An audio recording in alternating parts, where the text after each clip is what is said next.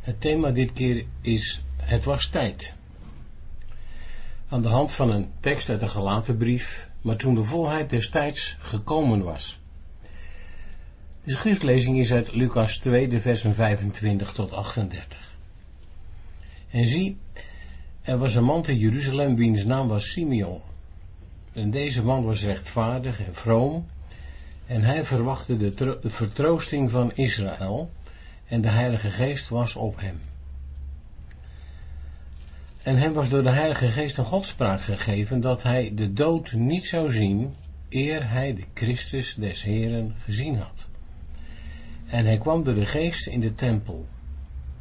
En toen de ouders het kind Jezus binnenbrachten om met hem te doen overeenkomstig de gewoonte der wet, nam ook hij het in zijn armen en hij loofde God en zeide, nu laat gij, heren, uw dienstknecht gaan in vrede naar uw woord, want mijn ogen hebben uw heil gezien, dat gij bereid hebt voor het aangezicht van alle volken, licht tot openbaring voor de heidenen, en heerlijkheid voor uw volk Israël. En zijn vader en zijn moeder stonden verwonderd over hetgeen van hem gezegd werd. En Simeon zegende hen en zeide tot Maria, zijn moeder, zie, deze is gesteld tot een val en opstanding van velen in Israël. En tot een teken dat wedersproken wordt. En door uw eigen ziel zal een zwaard gaan. Opdat de overleggingen uit vele harten openbaar worden. Ook was daar Hanna, een profetes, een dochter van Fanuel uit de stam Aser. Zij was op hoge leeftijd gekomen nadat zij met haar man na haar huwelijksdag zeven jaren had geleefd. En nu was ze weduwe, ongeveer 84 jaar oud. En zij diende God onafgebroken in de tempel met vasten en bidden nacht en dag. En zij kwam op datzelfde ogenblik erbij staan. En zij loofde mede God en sprak over hem tot allen die voor Jeruzalem verlossing verwachten. Het boek Prediker zegt er is een, overal een tijd van. Alles heeft zijn uur en ieder ding onder de zon zijn tijd. Talloze teksten spreken over de tijd, zo ook de tekst van Galaten 4 vers 4. Maar toen de volheid des tijds gekomen was, heeft God zijn zoon uitgezonden, geboren uit een vrouw, geboren onder de wet, om hen, die onder de wet waren, vrij te kopen opdat wij het recht van zonen zouden verkrijgen. Toen dat juiste moment aangebroken was, zond God zijn zoon. Het was tijd. Daar was een tijdschema voor. Gods agenda kennen wij niet, maar die is er wel. God werkt een plan uit. Uit Genesis 3 vers 15 weten we dat de verlosser zou komen. Daar staat, en ik zal vijandschap zetten tussen u en de vrouw en tussen uw zaad en haar zaad. Dit zal u de kop vermozzelen en gij zult het de hiel vermozzelen. Uit Johannes 3 vers 16 weten we, want al zo lief heeft God de wereld gehad, dat hij zijn enige geboren zoon gegeven heeft, opdat een ieder die in hem gelooft niet verloren gaat, maar eeuwig leven hebben.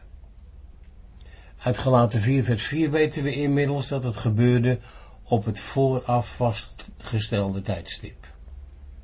God werkt volgens een voorgenomen, raadsbesluit.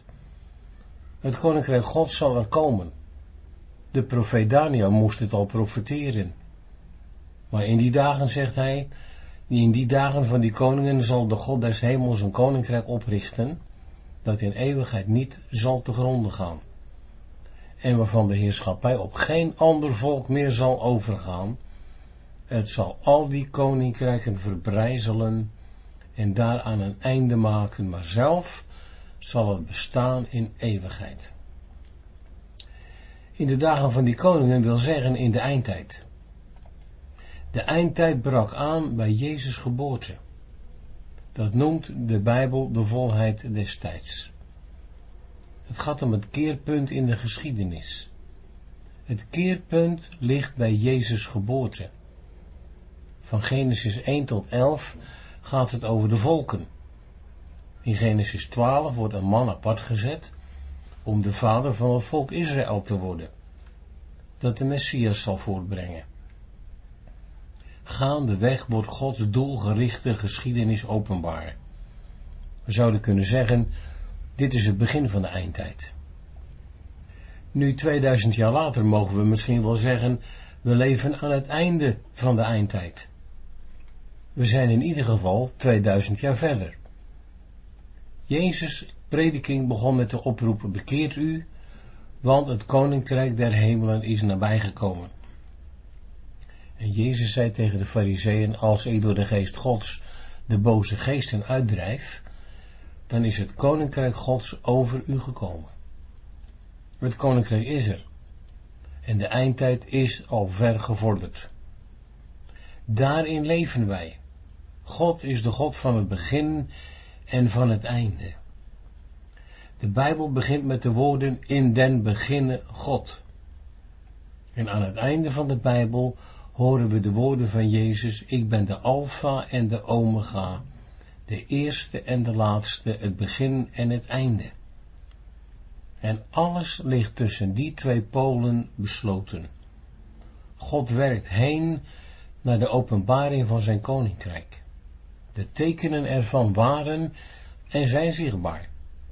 De geschiedenis van Israël toen en nu, de komst van het kind in de kribbe, Jezus' bediening op aarde, zijn lijden, zijn sterven, zijn opstanding en hemelvaart. En we hebben de belofte van zijn wederkomst. We dopen mensen om ze onder het gezag van zijn naam te brengen.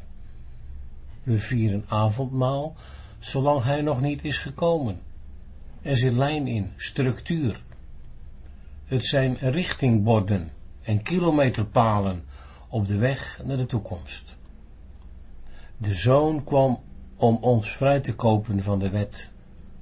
Niet dat de wet niet goed was. Paulus zei dat de wet heilig en goed is. De wet staat nog altijd recht overeind. De wet is niet afgeschaft, maar door Christus vervuld.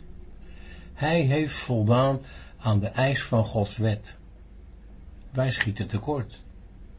Daardoor zijn we in slavernij van de zonde geraakt bedolven onder een schuldenlast, of we dat geloven of niet. Jezus kwam in de volheid van de tijd om daar een eind aan te maken. Daar mogen we op ingaan, om vrij uit te kunnen gaan. De wet die wij niet kunnen houden, drijft ons naar Christus. Doen we het niet, dan hebben we een probleem. Daarom is de wet nuttig en goed Jezus is de enige die ons kan bevrijden van de schuldenlast van de wet. God heeft bij Jezus geen water in de wijn gedaan. Hij doet het ook voor jou en voor mij niet. Zijn woord is wet. Daarover valt niet te discussiëren. Maar voor ieder die voor zichzelf de ernst van de zaak inziet, is de oplossing bij Christus. Hij kwam ons vrij te kopen. Hij gaf daarvoor zijn leven. Wie geeft zijn leven om mensen vrij te kopen? Alleen een volmaakt mens kan dat. En dat is Jezus alleen. Jezus had vele gesprekken met de fariseeën. Steeds probeerden ze hem ergens op te betrappen. Ze zetten valletjes voor hem open. Maar het werkte niet. Als ze maar iets dachten te vinden, waren ze er als de kippen bij. Het werkte niet. Op zekere dag zei hij tegen hen, wie van u overtuigt mij van zonde? Dat moet je durven. Dan moet je goed weten wat je zegt. Op een zilveren dienblaadje kregen ze een buitenkansje aangeboden. Als ze toen maar iets hadden kunnen vinden. Daar gingen ze de mist in. Zijn aartsvijanden konden niets tegen hem bedenken. Jezus is volmaakt. Als Jezus niet volmaakt is, is hij de grootste bedrieger die er ooit op aarde is geweest. Maar hij, de Zoon van God, was niet anders dan hij zich voordeed. In de ontmoeting met Jezus in de prediking moeten we voor onszelf uitmaken of hij de volmaakte zoon van God is of een aartsbedrieger. Je kunt niet vrijblijvend onder de prediking zitten. Je kunt de prediking niet voor kennisgeving naast je neerleggen. Het woord keert niet leeg tot God terug. Het heeft altijd een diepgaande uitwerking, voor of tegen.